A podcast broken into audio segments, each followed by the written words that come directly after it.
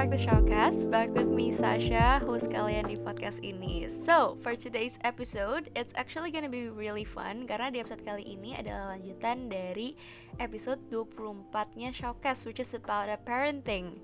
Nah, cuman di episode 24 kemarin itu kan dari from the child's point of view. Nah, sekarang kita bakal ngundang dari parents point of view-nya mengenai parenting di Indonesia tuh kayak gimana sih. So, anyhow, without further ado, mari kita undang aja kali ya, kita panggil aja kali ya guest kali ini. Guest kali ini tuh um, is a special person. And uh, apparently guest kali ini juga um, nge apa ya ngerespon dari posan kita di episode 24 kemarin. So that's why kita ngundang um, guest kali ini. Anyhow mari kita panggil aja Bapak Valentino. Hai Pak Valen. Hai. Halo selamat malam. Hai how are you? Apa I'm kabar? very good. How are you Sha I'm great. Um, how's the online thing treating you so far do you like it or uh, would you prefer offline?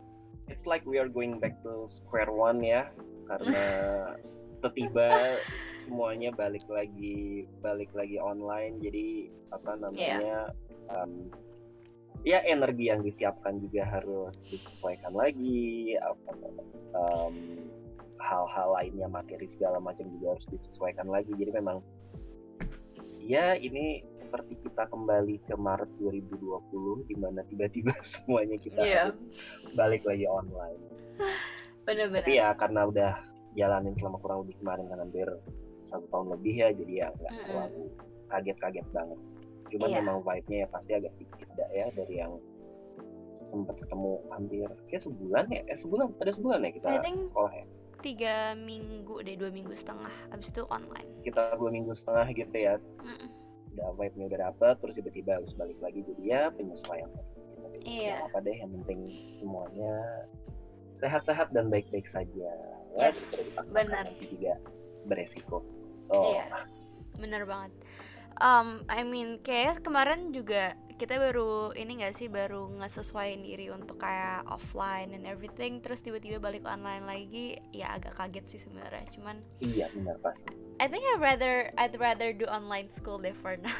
Kayak udah udah udah PW aja gitu loh di rumah. Iya udah dapat udah dapat apa ya? Udah dapat um, setelan waktunya tuh udah udah dapat iya. banget ya. Kita bangun uh -uh. jam sekian lalu nanti apa namanya uh, aktivitas rutinnya sampai berapa, lalu ada santai-santainya, ngerti yeah. apa segala macem. Iya plus minus banyak ya. distraction memang. juga sih, kalau buat aku ya. Mm -hmm. I mean like uh, distraction for your mental health, not in you know. Kalau misalkan distraction dari adik aku sih iya, cuman distraction for my own yeah, mental health is it's healthier lah oh karena iya. Nggak nengok kanan kiri segala macam ya. Iya benar-benar iya, apalagi sekarang udah mau kuliah kan kayak semua orang di kanan kiri pada ambis semua kalau offline kan. Kalau online kan lebih tenang ada di my own cube gitu. Betul apalagi ketika apa namanya kita punya apa punya rencana sendiri yang mungkin nggak sama dengan um, teman-teman yang lain ya di satu sisi yes. di satu sisi pede ngejalaninnya di sisi lain agak-agak insecure apa namanya bu gue beda sendiri nih ntar gimana ya kehidupan sosial gue selanjutnya kan kadang-kadang suka ada pemikiran iya yeah, true mm -hmm. anyway let's get into today's topic aja kali ya langsung Mister Oke, okay, so um, let's talk about parenting. Kalau Pak Valen dulu sendiri, um, pas masih kecil itu, uh, does your parents give you freedom or uh, were they very strict of you? Uh, freedom yang iya dengan batasan-batasan tertentu iya, pasti sih. ya tapi iya. relatif relatif diberi kebebasan sih. Hmm. So like uh, do you implement it to your daughter atau kayak you have your own uh, way on ngedidik anak kayak Pak I guess? I'm going to give like a freedom to my daughter later on seperti mm -hmm. Jadi um, iya ya cara pandang orang tua saya melihat dunia dengan saya melihat dunia kan pasti juga juga udah beda yeah. ya mungkin uh-uh. alternatif-alternatif yang dilihat juga saya juga bisa lihat lebih banyak so that's why ya yeah, I think I'm going to give more freedom masih belum tahu sih nanti more kayak... itu sebanyak apa cuman ya yeah, yeah, yeah. just give more guess But for now, um, what is your current kayak best way on treating your child at home? Um, I try to make her to be an independent person sih pastinya. Jadi kayak hmm. saya selalu bilang, saya nggak mau compare dia dengan temannya dia dengan sepupunya segala macam. Tapi yang yeah, yeah. sering saya bilang adalah ini di Jepang anak keturunan kamu tuh sudah bisa melakukan ini ini ini ini sendiri kalau misalnya memang kamu nggak belajar ya ntar kamu akan kesulitan hmm. hal-hal hmm. kayak gitu sih contohnya ah, iya benar A aku pengen nanya deh Pak Valen jadi kayak um, do you negotiate with your daughter kayak how old is she now sekarang umur berapa anaknya Pak Valen Sinister Six turning six turning six Sinister Sin like huh? Ah.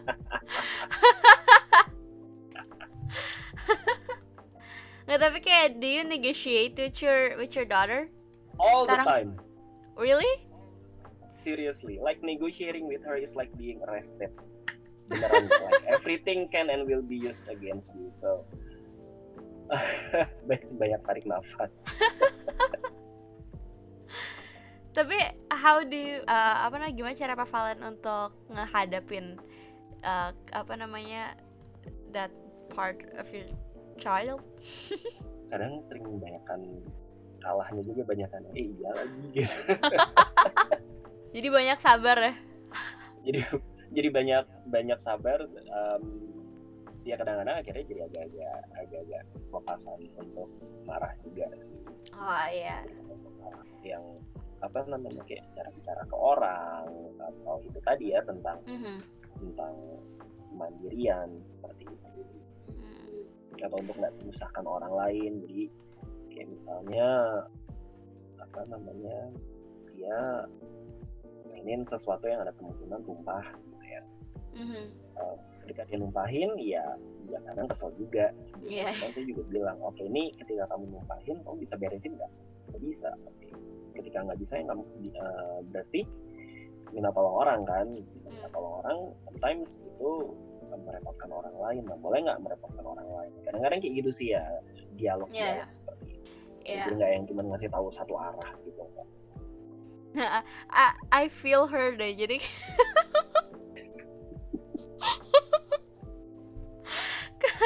because I remember my dad pernah kayak marah besar gitu uh, hmm. a few months ago kayak papa pernah uh, marah lumayan marah besar lah gara-gara hmm. lagi-lagi masalah sepedahan terus kayak sepedanya okay. lecet gitu kan and then he was so stressed and everything terus kayak ya gitulah cuman pada akhirnya uh, we say sorry to each other sih jadi kayak it's all good now it's fine oh gitu the bike is fine Jadi juga itu, kok. Itu, itu mungkin pride enjoy-nya dia, terus tiba-tiba kamu pakai dan lecet juga.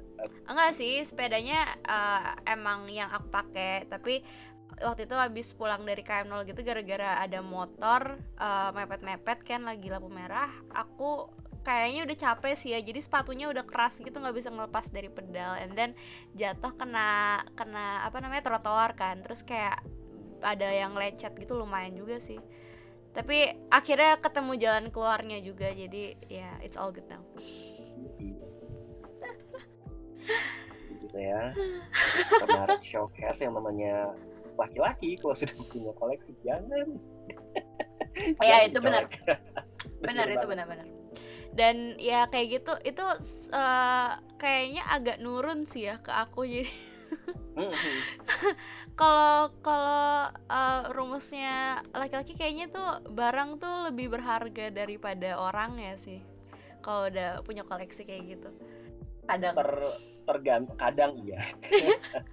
Karena kalau aku rumusnya gini, sepeda lebih mahal daripada orang. Itu rumus.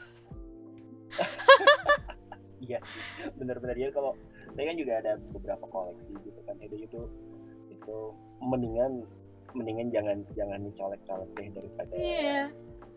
nanti bisa berantem kayak gitu-gitu. iya, soalnya soalnya aku mikirnya gini kalau aku yang lecet tuh ya udahlah ya. Tapi kalau barangnya yang lecet tuh pembicaranya panjang kali lebar. Ya tadi kan, kalau sepeda itu. iya, makanya panjang udah. Oke, okay. anyway, um, Pak Valen boleh kasih ini nggak kayak beberapa contoh uh, something that you apply in your family kayak mungkin kebiasaan-kebiasaan apa yang uh, Pak Valen ajarin ke anaknya Pak Valen or something like that for now? Oke, okay. um, eh yang pasti sih three magic words itu ya, please, thank you, sorry kalau mungkin salah biar yang terakhir itu agak-agak susah juga kadang-kadang mm -mm. kita berdua denialnya suka tinggi jadi ngeles aja gitu terus abis itu um, ya saya ngajarin dia juga untuk um, ya dia berani mencoba banyak hal untuk uh, apa namanya uh, kreatif dan mm. dia kan senang banget gambar ya mm -hmm. kadang-kadang saya beli saya bu tontonin channel tentang apa namanya tentang art atau saya baca ketika saya lagi baca buku tentang art. Juga ini kamu coba deh jam mau bikin game begini.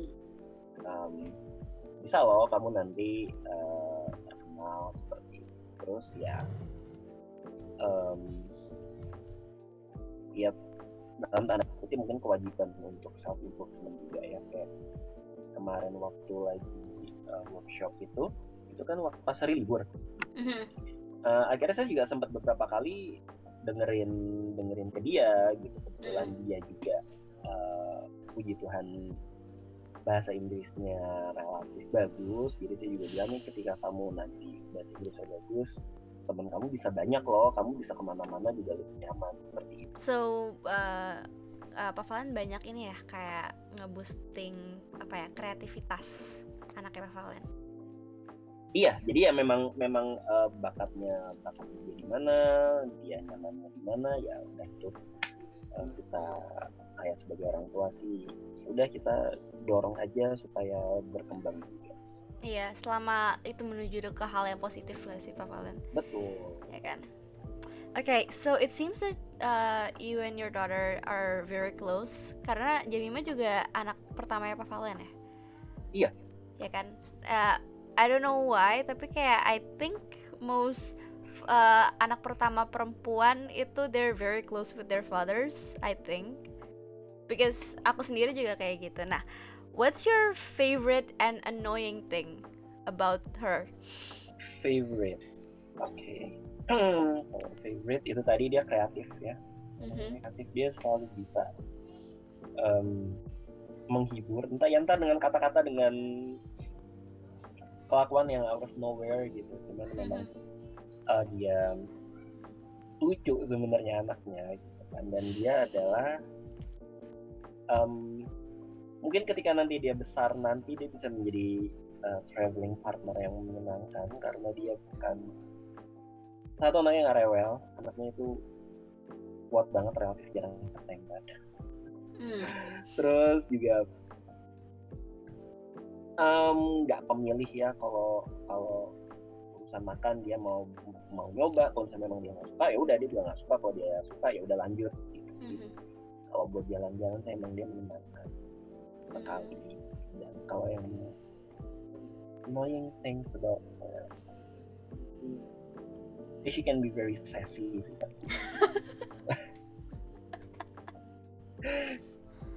gitu namanya juga anak pertama perempuan gitu kan. Iya iya.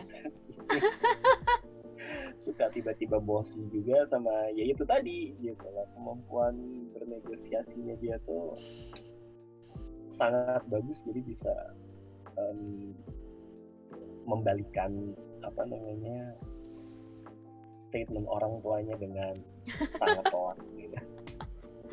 Tapi nggak apa-apa bagus dong. sekali tuh simple thing sih ya. Kayak waktu itu dia udah jam segini uh, makan mandi dulu gitu sebelum ngerjain hmm. kayak ini udah mandi belum? Belum. Oh ya udah.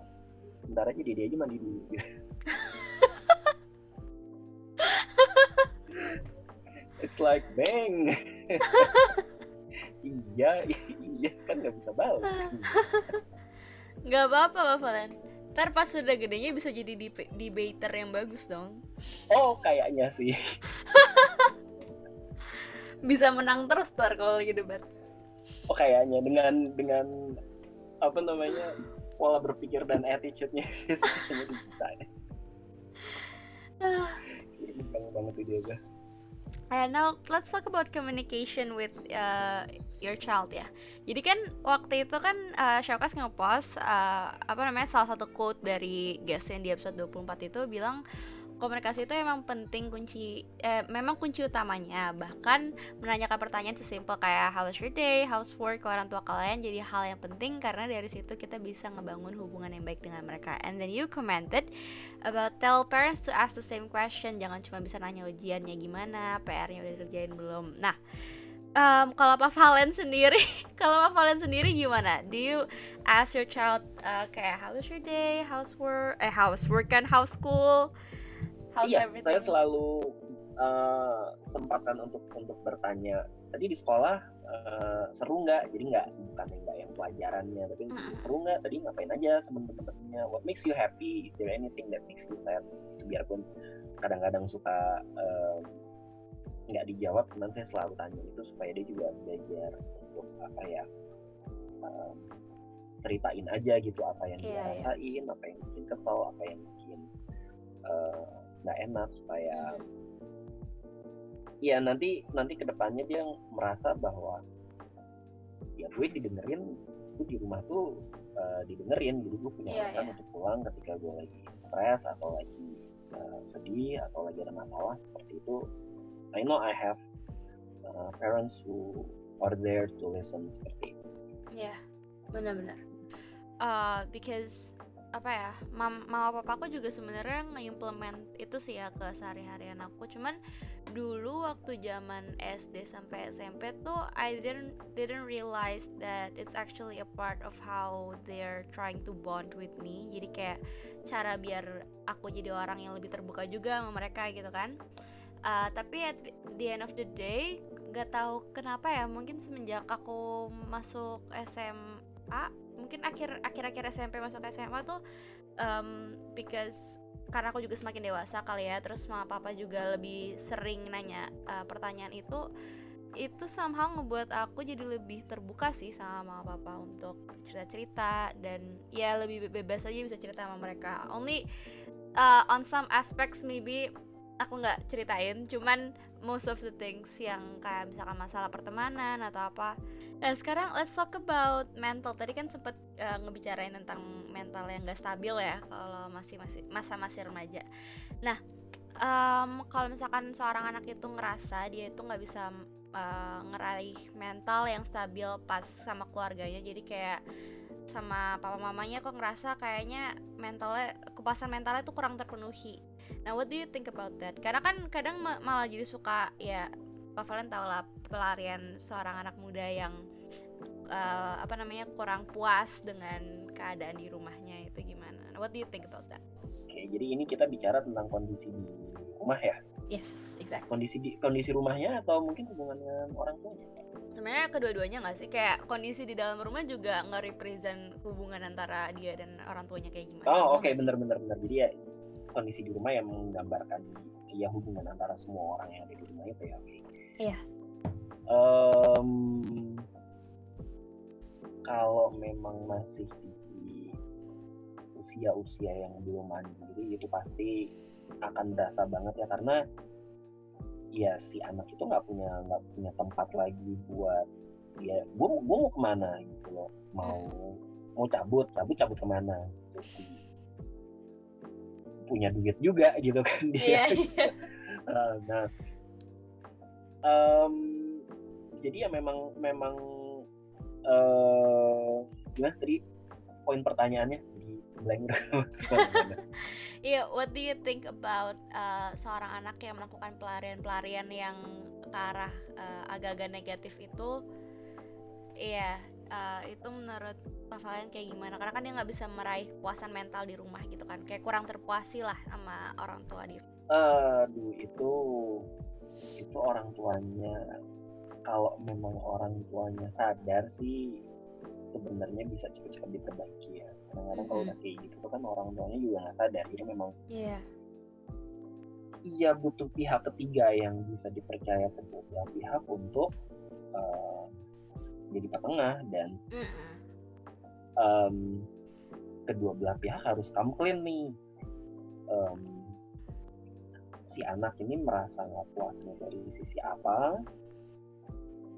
Uh, dan si orang tuanya nih kenapa kok kok menciptakan kondisi seperti ini gitu? Karena kadang-kadang um, semuanya baik-baik aja nih.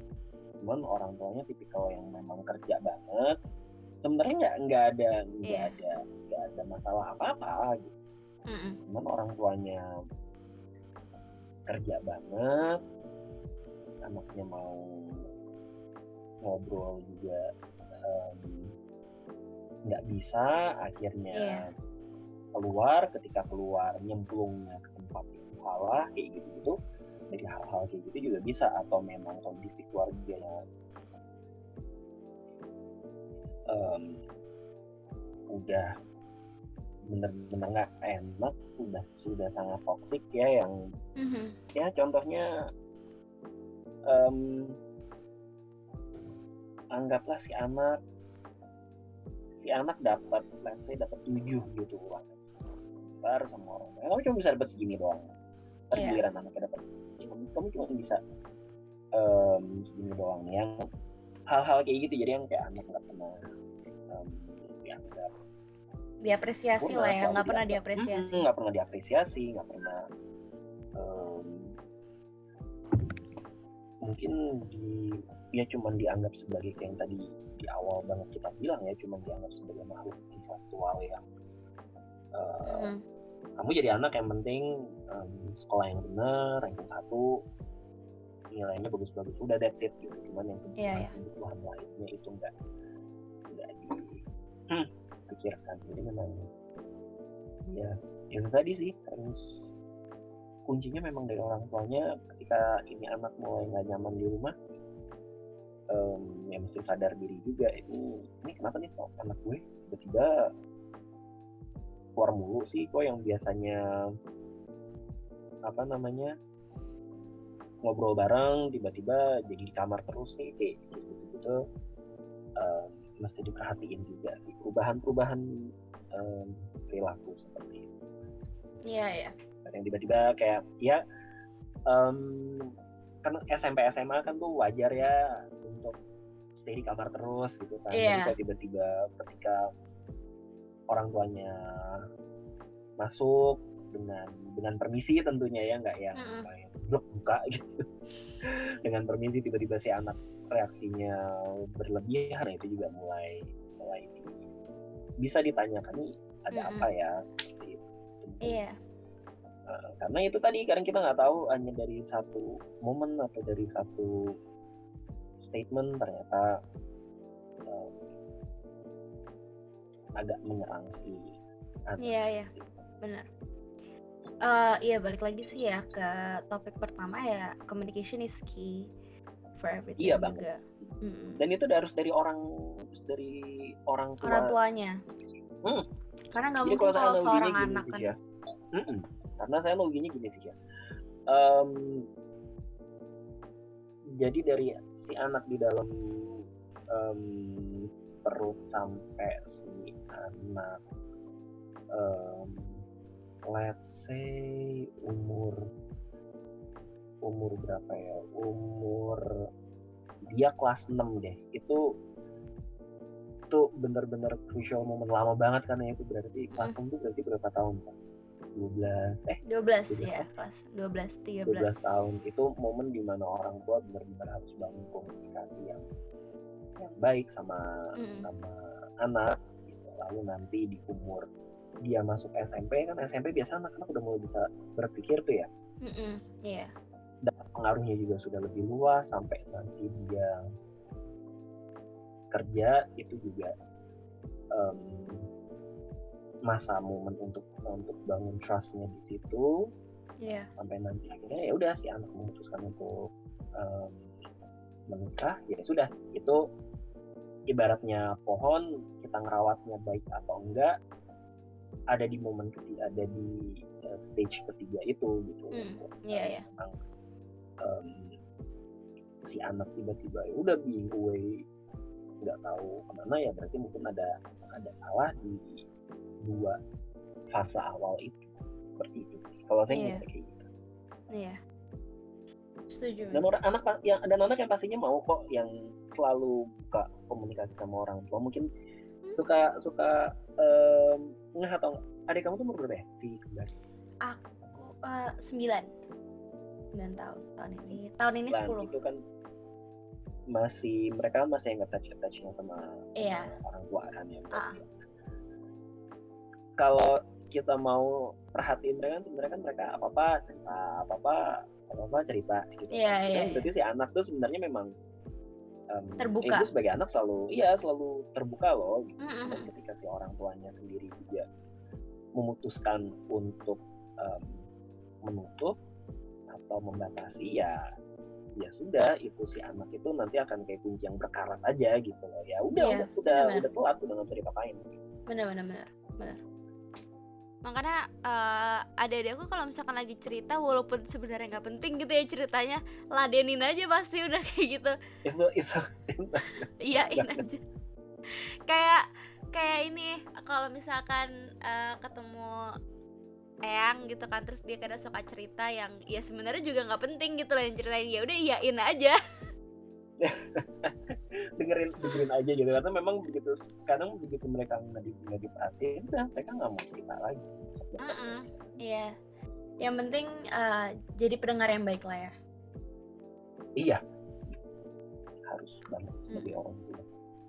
Iya. Nah kalau nggak nanti orang tua anak akan mencari telinga di luar yang kadang-kadang belum tentu bener juga gitu iya bener uh, family is the most safest place lah ya. Iya. Bener. ya kan? Benar-benar jadi home buat anak.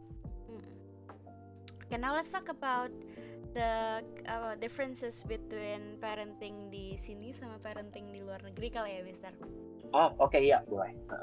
Nah kalau menurut Pak Valen sendiri tuh uh, budaya dan tradisi parenting di Indonesia tuh gimana sih? Kayak uh, mungkin sekarang udah banyak yang bisa lebih terbuka sama anaknya bisa mulai nurunin apa ya bahasa gengsinya sama anaknya kayak mau minta maaf dan lain-lain. Cuman kan di Indonesia itu kan ada tradisi di mana kayak orang tua tuh derajatnya selalu lebih tinggi daripada anaknya. Terus kayak yang ada tuh malah anaknya yang minta maaf gitu kan.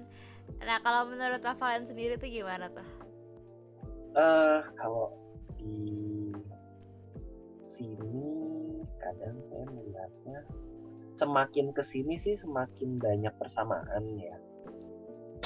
Biarpun untuk level kebebasan tentu saja yang dikasih pasti nggak pasti berbeda. Iya. nggak akan sebanyak dengan um, pola pendidikan di luar negeri tapi makin ke sini makin sama.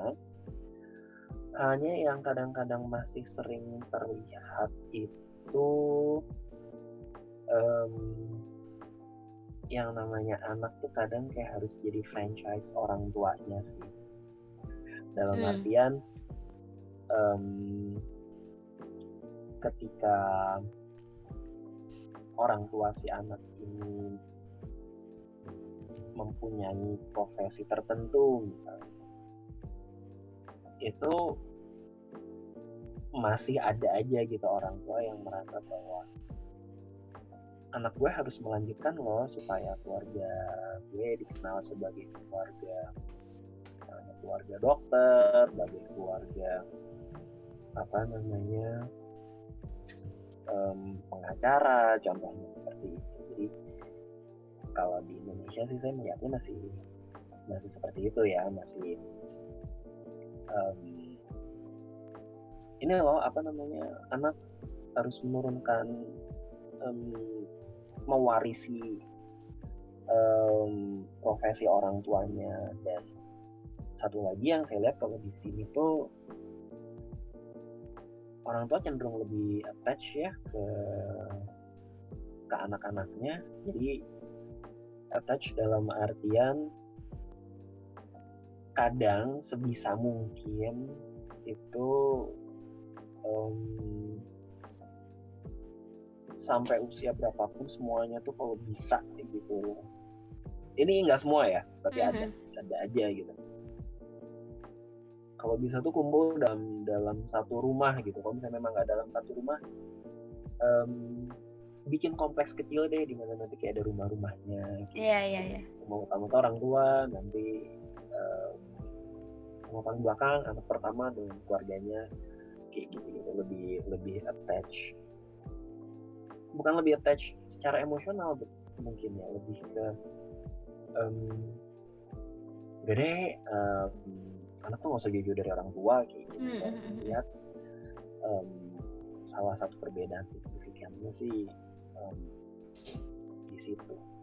Iya ya benar karena uh, ya mamaku sendiri juga sering ngomong sih kayak secara physically dia sama orang tuanya tuh deket. Iya deket banget. Misalkan lagi lagi nonton ya bareng bareng gitu kan. Cuman mentally tuh mereka nggak nggak deket gitu loh. Karena oh, gitu. uh, iya kalau mama mama sendiri ya dari uh, keluarga mama ataupun papa juga ya secara physically mereka deket. Cuman mentally mereka nggak sedekat antara mama papa sama anak-anaknya gitu. Soalnya kayak uh, misalkan simple things aja kayak misalnya kita lagi nonton gitu kan. Kalau um, aku sama papa mama tuh kalau misalkan lagi nonton tuh bisa sambil diskusi tentang filmnya atau misalkan cerita-cerita atau ya ketawa-ketawa bareng lah. Cuman kalau um, mama papa sama orang tuanya dari cerita mereka ya dibilang katanya kalau misalkan nonton ya ya udah itu film ya nonton bareng-bareng udah gitu doang. Nggak bukan um, menjadi bahan obrolan untuk diskusi. iya diskusi atau jadi bonding lah masa untuk bonding antara orang tua sama anaknya gitu. Jadi ya udah kayak di bioskop aja gitu ya yang nonton iya.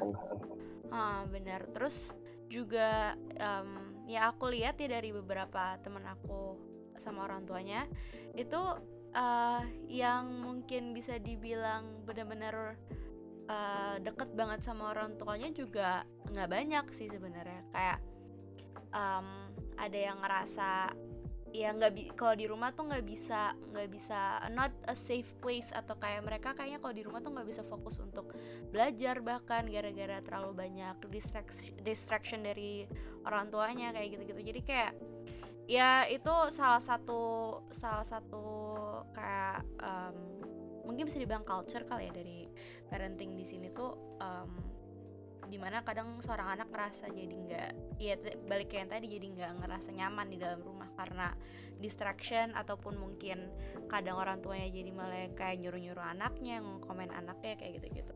Iya oh itu iya, distractionnya yeah, contohnya kayak gimana biasanya? Ah uh, mungkin aku kan bisa kasih contoh dari cerita-cerita teman-teman aku kali ya. Kayak oke okay, boleh. mungkin misalkan nih uh, mereka lagi sekolah lagi online sekarang kan di rumah terus kan ya itu kadang dari belakang tuh uh, orang tuanya suka nge-komen kayak kamu kok nggak on cam sih? Kamu kok nggak ini? Kamu nggak itu? Bla atau enggak ntar lagi lagi fokus ngerjain tugas atau apa tiba-tiba disuruh ini itu sama orang tuanya kan ya kayak gitu jadi distraction lah ya buat seorang anak untuk iya, pingin belajar dan lain-lain. Apalagi kalau misalkan kadang yang kamarnya bareng sama adenya atau sama kakaknya mereka nggak bisa punya uh, apa namanya uh, tempat sendiri lah ya. Ya privacy sendiri gitu. Jadi ya itu sih kalau menurut aku uh, salah satu culture yang agak um, apa ya menyebalkan. Iya itu juga. Mungkin in short kurang apa ya kurang ngasih uh, space ke anak nggak sih? Mm -mm. kayak uh, apa ya seorang anak mungkin jadi jadiin sebagai kayak uh, ya lu kan anak gue gue kan orang tua lu gue bisa ngelakuin apa apa, apa aja ke lu ibaratnya kayak gitu. If iya, that makes masih, sense. masih uh, ya masih ada yang um, kayak gitu atau ketika anak uh -uh. mulai untuk untuk um, bisa nggak sih ngasih space lah? Emang ada yang diumpetin? Emang ada yang disembunyiin? Yeah, ya, hal-hal hal-hal kayak gitu gitu. Jadi yang mm. apa, apa ya iya ownershipnya masih masih tinggi sih kalau kalau di sini dari orang tua ke anak. Iya, benar. Nah, oke, okay. sekarang kalau misalkan uh, we compare it with parenting di luar negeri nih, Pak Valen gimana kayak kalau parenting di luar negeri kan beda banget ya pasti mereka bahkan uh, baru pulang aja ditanyain kan pasti anaknya kayak uh, how was your day? Kayak tadi lah pertanyaan-pertanyaan simple how was your day? Dan hal-hal kayak gitu. Dan sebenarnya pertanyaan simple kayak gitu juga uh, little things that apa ya ngebuka bonding antara orang tua sama anak ya kan? Iya. Iya jadi uh, kalau saya ngeliatnya gini um, kalau di sini itu kadang-kadang anak cuma dilihat pakai dia sebagai makhluk intelektual dan makhluk biologis mm. yang ditanya nggak yoyo dari PR-nya udah bisa belum ulangannya iya. pasti yang tanya akademik ya? Iya. Uh, udah makan. Tadi siang nggak itu udah udah udah for templates gitu kan. Sementara kalau di, di um, luar negeri itu anak-anak juga dilihat sebagai ya anak adalah makhluk sosial yang yang punya perasaan, yang dia bisa sedih, dia bisa yeah. marah, dia bisa um, kecewa dan itu hal-hal yang wajar dan hal yang harus di um, akomodasi sama orang tuanya ya anak yang ya anak yang juga bisa bikin salah makanya ada ada konsekuensi. Iya benar. Suka suka ngeliat nggak sih bahwa kadang-kadang di sana tuh lebih berani untuk untuk menghukum anak nggak nggak fisikal ya cuman yang iya iya iya. Jadi kayak... lebih untuk menghukum anak dibandingkan di di sini yang kadang cenderung cenderung permisif mm -mm. atau mm -mm. malah nyalahin pihak lain mm -mm. bener jadi kayak jadi, ya mereka disiplin sih sebenarnya ya uh, kalau kalau mereka anak yang ngelakuin kesalahan ya you will get what ya, you time out gitu yeah, you the time gitu seperti itu terus kalau yang um, saya lihat lagi um, ini mungkin karena um, kekurangan kekurangan kita kekurangan keluarga di sini ada bukan bukan kekurangan ya kemampuan untuk mm -hmm hire mbak itu bikin anak-anak jadi jadi nggak mandiri sih. Sementara yeah. kalau di luar negeri sendiri yang namanya maid atau servant itu kan belum mahal, nggak semua mm. orang bisa afford gitu kan. Mm. Jadi anak-anak itu dari kecil sudah dibiasakan untuk oke okay, bangun tidur, beresin tempat tidur, mm mandi, kalau di usia tertentu ya oke okay, ini bajunya udah disiapin kita bisa pakai sendiri kan iya iya iya that's your lunch box taruh di tas apa segala macam hmm. itu yang makanya tadi saya juga sempat bilang sama sama sering bilang sama Jenny malah ini um,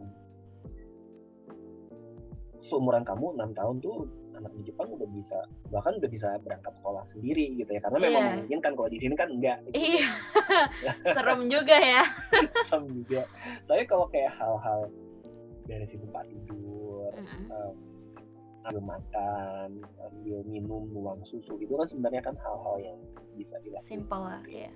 jadi um, perbedaannya perbedaannya itu sih deh dari kecil anak udah dibiasakan untuk mandiri. Bahkan nggak malu untuk ambil part time job di lagi libur benar, atau benar. sambil kuliah seperti itu. Mungkin kalau di sini nggak memungkinkan akan dilihatnya lah orang tua nggak mampu ngasih duit tapi gimana? Sampai iya benar-benar.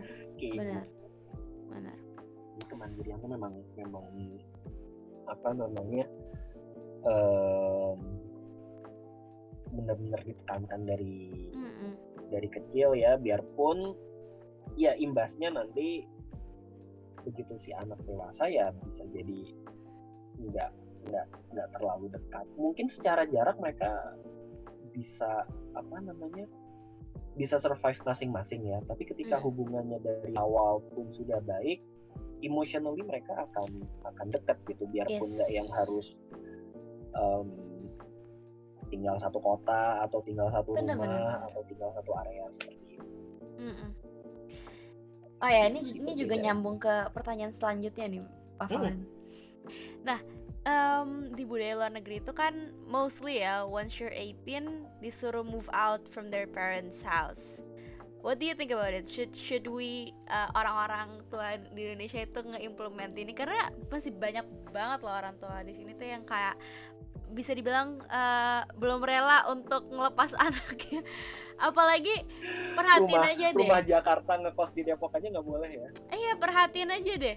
Kalau masuk univ aja di sekolah aku tuh 90% pasti ngambilnya tuh di Jakarta. Yang orang tuanya ngebolehin ngambil di Jogja kayak aku pada akhirnya mau ngambil di Jogja tuh jarang banget. Paling sejauh-jauhnya paling ke Bandung. Um, kalau kalau 18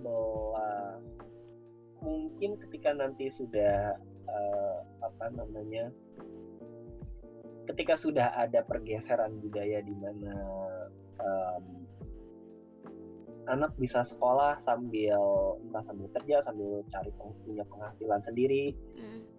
mungkin sih boleh um, mm. iya mungkin sih boleh ya atau nggak apa-apa juga kalau misalnya memang orang tua orang tua uh, mewajibkan gitu mm. cuman kalau sekarang sih menurut saya diwajibkan tuh begitu anak sudah mulai kerja diarahin aja untuk mulai yeah, iya. tinggal yeah. sendiri hmm. karena kalau nggak nanti um, keterusan dan yes, bener -bener. manjanya tuh di kedua pihak di anak dan hmm. orang tuanya iya um, ya pokoknya ketika udah mulai mau apa ya punya financial stability kali ya untuk mulai dilepas pelan-pelan dari orang tuanya. Iya, udah mulai udah mulai punya income yang uh, yeah. stabil segala macam apa namanya. Kalau saya sih di usia berarti ya umur umur dua puluh dua puluh puluh tiga gitu. Yeah, Saya juga yeah. selalu selalu udah mulai ngomporin sih nanti nih um, ketika kamu udah tinggal sendiri ketika kerja ya saya selalu bilang kayak gitu. Jadi memang biar dia juga ada juga ada mindset untuk tidak apa namanya terusnya bergantung sama orang tua. Iya ya. Biar mandiri. Kalau hmm. enggak aduh kok banget. Yes benar-benar. Uh, you know funny thing is that uh, my dad kan kayak aku udah minta restu sama papa mama sama kakek nenek sama om juga untuk ngambil kuliahnya di uh, UGM kan insyaallah. Nah terus abis itu ya kita udah deal akhirnya uh, pilihan universitasnya cuma satu doang ke situ dan jurusannya juga um, ya paling jurusannya lah yang dipindah-pindahin. Cuman pilihannya tujuannya kan ke hubungan internasional ya. Nah terus habis itu uh, sekarang begitu udah mulai deket-deket pendaftaran undangan ya sekarang kan udah mulai ada mau deket-deket pendaftaran undangan tuh papa suka nanya kayak kamu yakin udah siap mau ke UGM ke Jogja?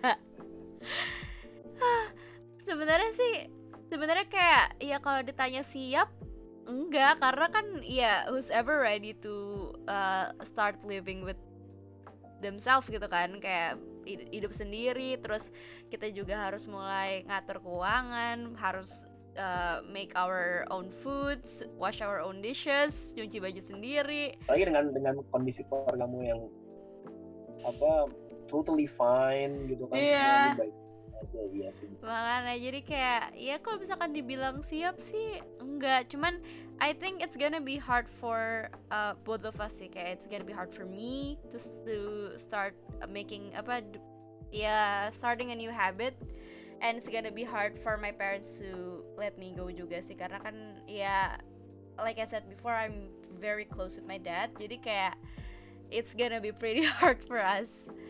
Jadi ya gitu iya iya it will it will be hard for everyone mm -hmm. iya cuman ya at the end of the day one day uh, every parent Akan juga iya they have to start letting their own child to apa ya kayak mm, belajar sendiri lah mandiri iya. untuk hidup sendiri tapi kalau Pak Valen sendiri uh, apa namanya ada kepikiran untuk kayak letting your child to study abroad nggak atau mungkin uh, sekolah di luar dari Jakarta misalkan?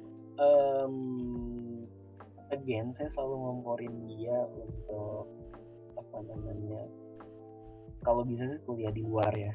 Mm, iya, Jadi kalau lagi ngobrol-ngobrol iseng gitu apa um, nanti kalau misalnya kamu jadi kuliah di Amerika kamu nanti jadi tinggal di Inggris gitu misalnya yeah. um, kamu enak bisa begini begini begini begini dia bilang kalau saya sih mengizinkan hmm.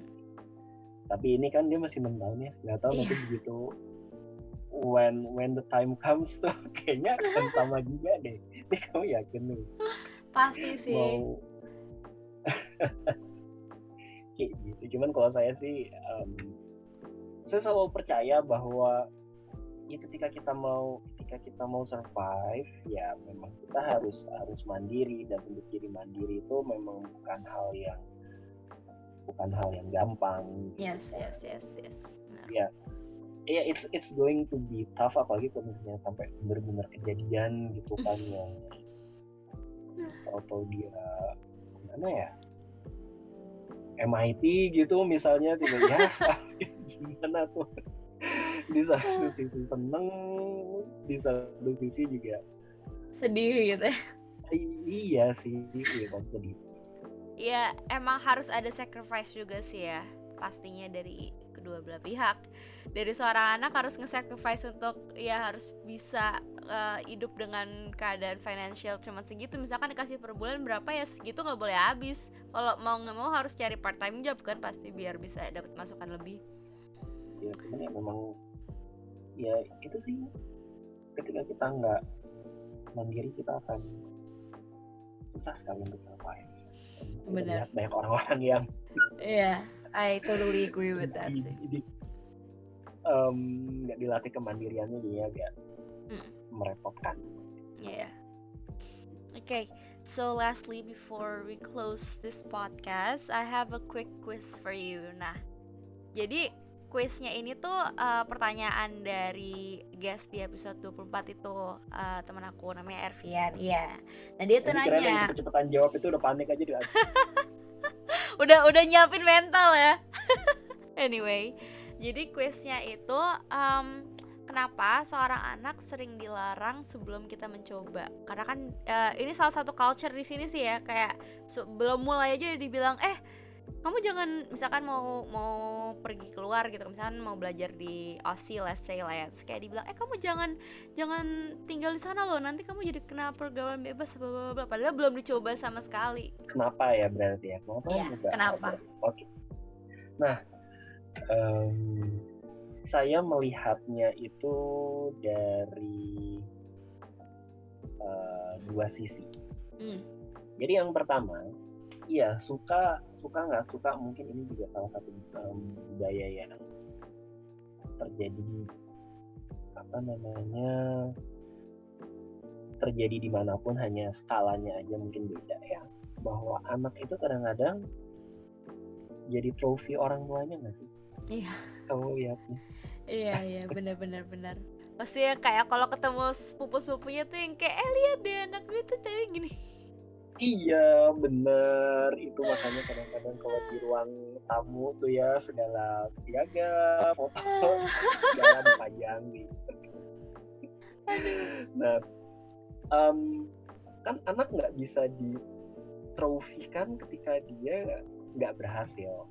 Iya benar benar dan um, ketika dia mencoba hal baru berarti kemungkinan besarnya ya 90% kan gagal gitu kan. iya benar. Nah itu yang membuat orang tua jadi ada ketakutan bahwa um, mereka nggak mau um, orang lain melihat anaknya itu sebagai sosok yang gagal. Kan orang nggak nggak nggak nggak tahu yang dicoba tuh hal baru atau memang hal yang emang udah dicoba berkali-kali tapi memang itu bukan bakatnya si anak misalnya kan orang lain nggak tahu. Jadi orang orang lain cuma tahunya oh ini berhasil oh ini gagal. Jadi um, orang tua satu masih melihat anak itu sebagai trofi. Yang kedua um, mungkin orang orang tua kita mungkin ya. Yeah. uh, atau mungkin generasi-generasi di atas kita ya, ya orang tua kita gitu ya. Hmm. Itu kan tinggal di zaman yang atau di kondisi yang belum tentu lebih enak dari kita. Oh iya. For sure. Uh, dengan segala keterbatasannya mereka banyak uh, dari orang tua kita itu yang dididik dengan cara uh, atau dengan mindset jangan menghabiskan sumber daya. Sumber daya itu apa aja ya? Ada sumber daya ya tenaga, ya waktu, ya energi dan yang pastinya biaya gitu. Dan itu diturunkan ke anak. Jadi dilihat bahwa ini ketika kamu nyoba hal baru, kamu cuma nggak bisa habisin sumber daya doang loh. Iya. Yeah. Kamu habis waktu, kamu habis tenaga, kamu habis biaya kan sayang mendingan kamu lakuin sesuatu yang sudah pasti um, kelihatan hasilnya atau sudah pasti berhasil nah itu yang um, diturunkan uh, ke generasi di bawahnya. Jadi makanya tadi ada pertanyaan kenapa sih baru mau nyoba hal baru udah um, nggak dibolehin udah ya? boleh. Yeah. uh, uh, udah udah dilarang ya karena dua itu plus. Um, kadang yang namanya bikin kesalahan tuh dianggap sebagai hal yang memalukan gitu ya hmm. padahal ya itu kan namanya juga nyoba hal baru bikin salah kan wajar iya yeah, iya yeah. uh, yang penting itu bisa dilihat sebagai pelajaran nanti untuk perbaikan berikutnya jadi ya ya tiga hal tadi itu sih yang membuat kenapa sih ketika anak-anak mau coba hal baru sering banget dilarang ya karena itu tadi. Satu anak sering dilihat sebagai trofinya orang tua. Mm-hmm. kedua memang karena um, ajaran yang diturunkan dari generasi atas atasnya untuk enggak dalam tanda kutip membuang sumber daya yang sudah ada yang ketiga um, itu tadi bikin kesalahan dia dianggap sebagai sesuatu hal yang memalukan begitu deh. Jadi jadi itu ya uh, jawaban dari pertanyaan tadi. Yes. karena aku sendiri tuh sering juga loh mempertanyakan kayak lu kenapa sih belum juga di belum juga ngejalanin udah nggak dibolehin aja? Terutama sama uh, nenek sih yang kayak gitu kayak ya dicoba aja dulu kayaknya tuh gimana banget gitu loh. Hmm. biasanya karena alasan apa tuh kalau misalnya kamu di um, larang? uh, biasanya tuh lebih ke perdebatannya kan aku emang kayak uh, pingin banget untuk starting my own life independently kan. Terus apalagi uh, studying abroad kayak gitu tuh emang bener-bener aku pengen banget lah ngejalanin itu. Jadi kadang tuh uh, nenek terutama dari mama ya itu kayak suka nggak tahu ngiri ya nggak tahu gimana nggak ngerti pokoknya ngomongnya kayak uh, ngapain sih cewek uh, belajar tinggi-tinggi sampai ke luar negeri atau misalnya nyoba untuk tinggal sendiri kan pada akhirnya nanti gini gini gini gini gini. Atau enggak nanti dibilangnya nanti di sana kena pergaulan bebas loh. Lo padahal kan dicoba aja belum gitu kan. Hasilnya outcome-nya kayak gimana kan ya kita harus ngerasain sendiri dulu baru kita bisa belajar juga kan biasanya. Iya sih.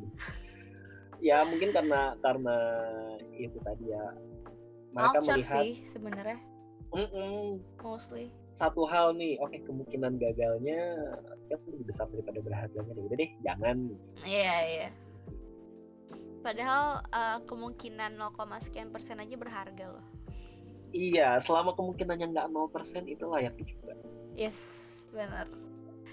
Okay, I think uh, that's it for today's podcast. Yeah, thank you so much, uh, Pak Valet, for joining us today. Yeah, thank you for having me, Sha. Yes, tapi before we close, uh, would you like to give a little closing statement to the listeners? Um, untuk listenersnya Showcast, um, jangan takut untuk mencoba hal-hal baru yang positif yang memang menarik minat kalian. Biarpun apa ya mungkin lingkung di lingkungan pertemanan kalian nggak ada yang tertarik atau nggak ada yang melakukan tapi selama memang kalian tertarik lakukan saja. Ya lakuin aja dulu dilihat nanti lakuin sebalik mungkin dan dilihat nanti hasilnya seperti apa. Yang kedua um, be independent. Penting banget. Ya. Kadang-kadang um, as simple as um, mau tanya ke apa namanya mbak-mbak di toko aja mah tolong tanyain dong kayak gitu.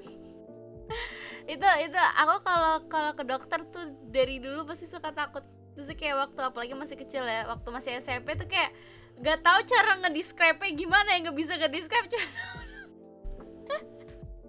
udah jadi kebiasaan sih udah udah panik kan. Cuman kalau ini yeah. karena ah gue malu atau atau nggak mau jadi coba untuk dicoba dulu untuk melakukan segala sesuatu yang sendiri. Kalau misalnya perlu bantuan orang yang lebih tua ya nggak perlu malu juga untuk minta. Yang penting dicoba dulu untuk melakukan uh, apa-apa sendiri. Lalu yang ketiga ya um, ini juga untuk orang tua ya orang tua dan anak biar berkomunikasi yang baik di kedua belah pihak yes.